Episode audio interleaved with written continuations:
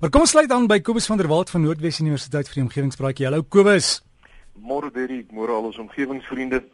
Ja nee, vanoggend wil ek so aan die begin van 2015 'n omgewingswenslysie saamstel, Derrick, wat ek dink nodig is om Suid-Afrika op 'n meer omgewingsvriendelike pad te kry.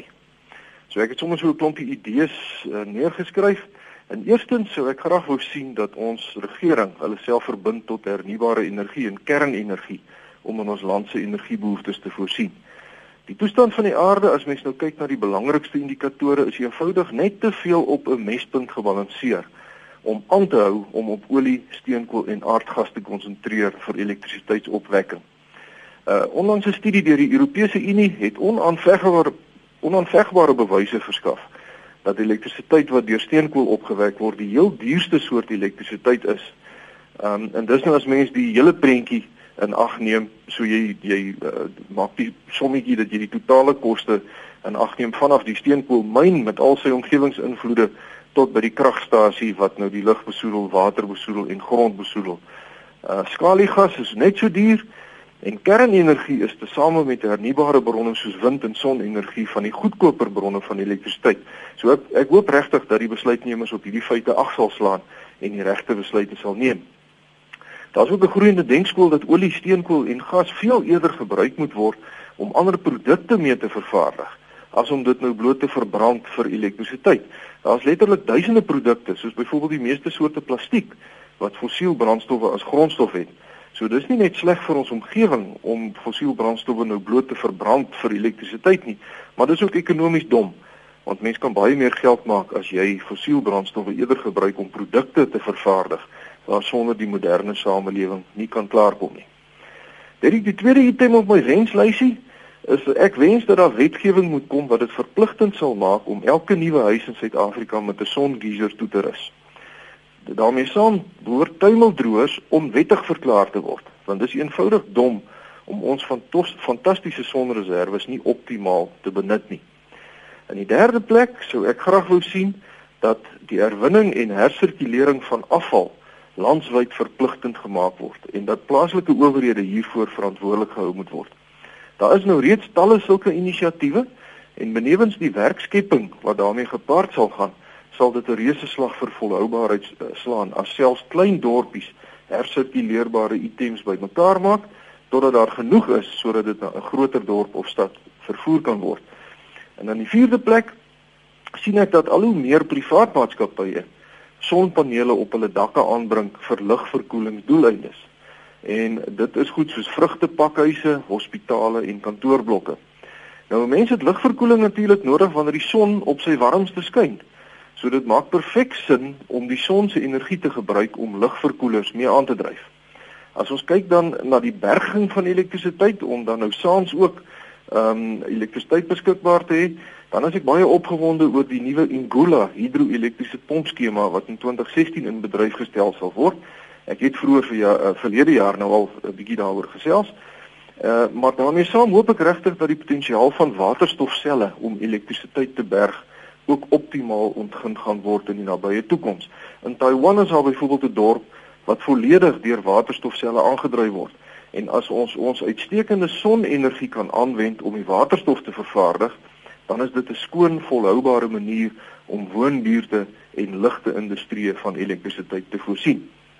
My vyfde wensie, ek sou graag wou sien dat ons spoorweë suksesvol sal herleef sodat die grootmaat vervoer van massaprodukte van ons paaie af verwyder kan word. Swaar vragmotors het 'n plek en 'n rol om te vervul, maar dis nie om miljoene tonne steenkool of mielies of koring te vervoer nie. Die vragmotors ry ons baie stukkend en dis baie meer energie-effektief om grootmaatprodukte met treine te vervoer as met vragmotors. En dan gepraat van vervoer, as ons na ons persoonlike vervoer gewoontes kyk, omgewingsvriende, dan dink ek ons klim veel te maklik in 'n kar om net 'n kort entjie te ry. Die meeste mense is baie gemaklik en baie lui in hierdie verband. Kyk byvoorbeeld hoe mense vir etlike minute lank in parkeerterreine al in die ronde sal ry net om 'n parkeerplek so naby as moontlik aan die deur te kry. En dit terwyl daar net 50 tree verder heelwat oop parkeerplekke is. In die toppunt van luiheid het ek die afgelope vakansie gesien waar een kampeerder met 'n reuse boepens elke aand in sy luukse 4x4 geklim het net om na die ablisieblok toe te ry wat minder as 100 meter van sy karavaan af was. 'n Meer aktiewe lewenstyl kan wondere verrig, nie net vir ons omgewing nie, maar ook vir ons gesondheid. Kom ons stap meer en ons ry meer fiets in 2015.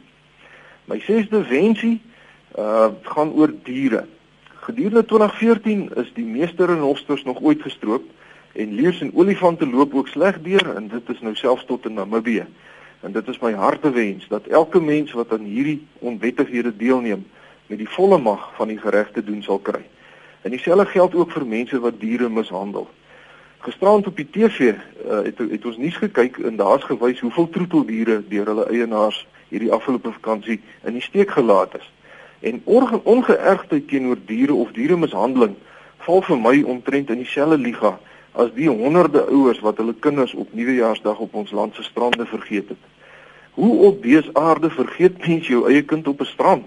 Dit gaan my verstand te bowe en ek huldig die mening dat 'n mens se ware karakter geopenbaar word deur die wyse waarop jy optree teenoor hulpelose mense of diere wat in jou mag is, soos jou troeteldiere of jou kinders. Mense wat kinders mishandel of wreed is teenoor diere, is doeteenvoudig slegte mense en ek hoop hulle loop hulle rieme deeglik styf. 'n Verdere wens op my lysie Derek vir 2015 is dat die klomp rioolwerke en afvalwaterbehandelingsaanlegte wat nou nog nie oordentlik werk nie, die nodige aandag en hulpbronne sal kry sodat ons land se riviere teen die einde van verjaar in 'n beter toestand sal wees as wat dit tans is. Ons het eenvoudig te min water om dit te bemors hier in Suid-Afrika. En dan Derek, my tweede laaste wens vir oggend is dat ons almal meer tyd in die natuur sal deurbring. Wie Dirk, ek is vanoggend half 5 wakker gesing hier op die plaas deur die voëls in die bome hier om die huis. En die simfonie van voëlgeluide was so magnifiek dat ek opgestaan het en buite gaan sit het en my opnuut verwonder het aan die pragt van die skepping. Die beste deel van die dag is vroegsoggens as dit begin lig word. Alles is vars en skoon en pragtig, maar nou lê en slaap die meeste mense hierdie wonderlike tyd om in bedompige kamers. Nou hierdie feit is onderliggend aan my laaste wens vir 2015 en dit is dat Suid-Afrika dagligbesparing sal instel. Die meeste teestanders van dagligbesparing dink net aan die feit dat ons in die somer nou reeds om 7 uur sal moet begin werk in plaas van 8 uur eers, maar die son sit teen 7 uur al baie hoog in die somer. En ons vergeet dat ons dan reeds 04:30 sal kan huis toe gaan in plaas van 05:30 eers. En daardie ekstra tyd kan ons dan in ons wonderlike natuur deurbring of saam met ons gesinne deurbring bietjie meer sport doen, bietjie meer aktief wees en dan natuurlik ook saans 'n uur vroeër gaan slaap wat beteken ons gaan ons ligte 'n uur vroeër afskakel en dit as landwyd eh, as mens landwyd daarna kyk kan 'n beduidende elektrisiteitsbesparing teweegbring. Nou Kulula het so 'n paar jaar gelede 'n veldtog van stapel gestuur om dagligbesparing in Suid-Afrika ingestel te kry, maar ons besluitnemers wou nie by daaraan nie. En ons weet wat die Bybel sê oor mense wat nog 'n bietjie wil slaap en nog 'n bietjie wil slymer. So ek hoop regtig dat iemand weer gaan probeer om dagligbesparing ingestel te kry en dat dit hierdie slag suksesvol sal wees. Omgewingsvriende, daarmee volstaan ek vanoggend. Daar is sekerlik nog talle ander dinge wat ek ook op my wenslysie sou kon plaas, maar as ons hierdie paar goedjies wat ek genoem het vanoggend sal kan regkry, sal ons 'n reuse tree kan gee in die rigting van 'n meer omgewingsvriendelike Suid-Afrika. As u vir my wil skryf, is u baie welkom. My rekenaaradres is kobus.vanderwalt@ by nwu.ac.za en my posadres is die fakulteit Natuurwetenskappe, Noordwes Universiteit, Potchefstroom 2520. Baie seën en baie voorspoed vir 2015 en vriendelike groete tot 'n volgende keer. Goeie, ek moet daarmee hier lag Gronel het ge-SMS uit Kaapstad sê sonder tuimeldroër in die nat Kaapse winter. Verander asseblief jou wenslysie koes. Dis goed, daar seker, daar seker daarom uitsonderings Derek, maar jy weet eh, ons ons is baie gemaklik want ek ek weet van baie mense wat hmm. selfs in die somer dan skyn die son buite en dan gebruik hulle goue tuimeldroog. Ja, hoe het ons oumas dit gedoen hè? ja, dis waar, né? So gesels ons dan met Kobus van der Walt. Sy e-posadres is kobus met 'n k, kobus.vanderwalt by nwu.ac.za. kobus.vanderwalt by nwu.ac.za. Jy gaan nou nie dadelik 'n reaksie kry nie. Gee darm se rukkie as jy reaksie moet kry. Dalk as jy idees het waaroor ons kan gesels, kan jy dit ook vir Kobus stuur.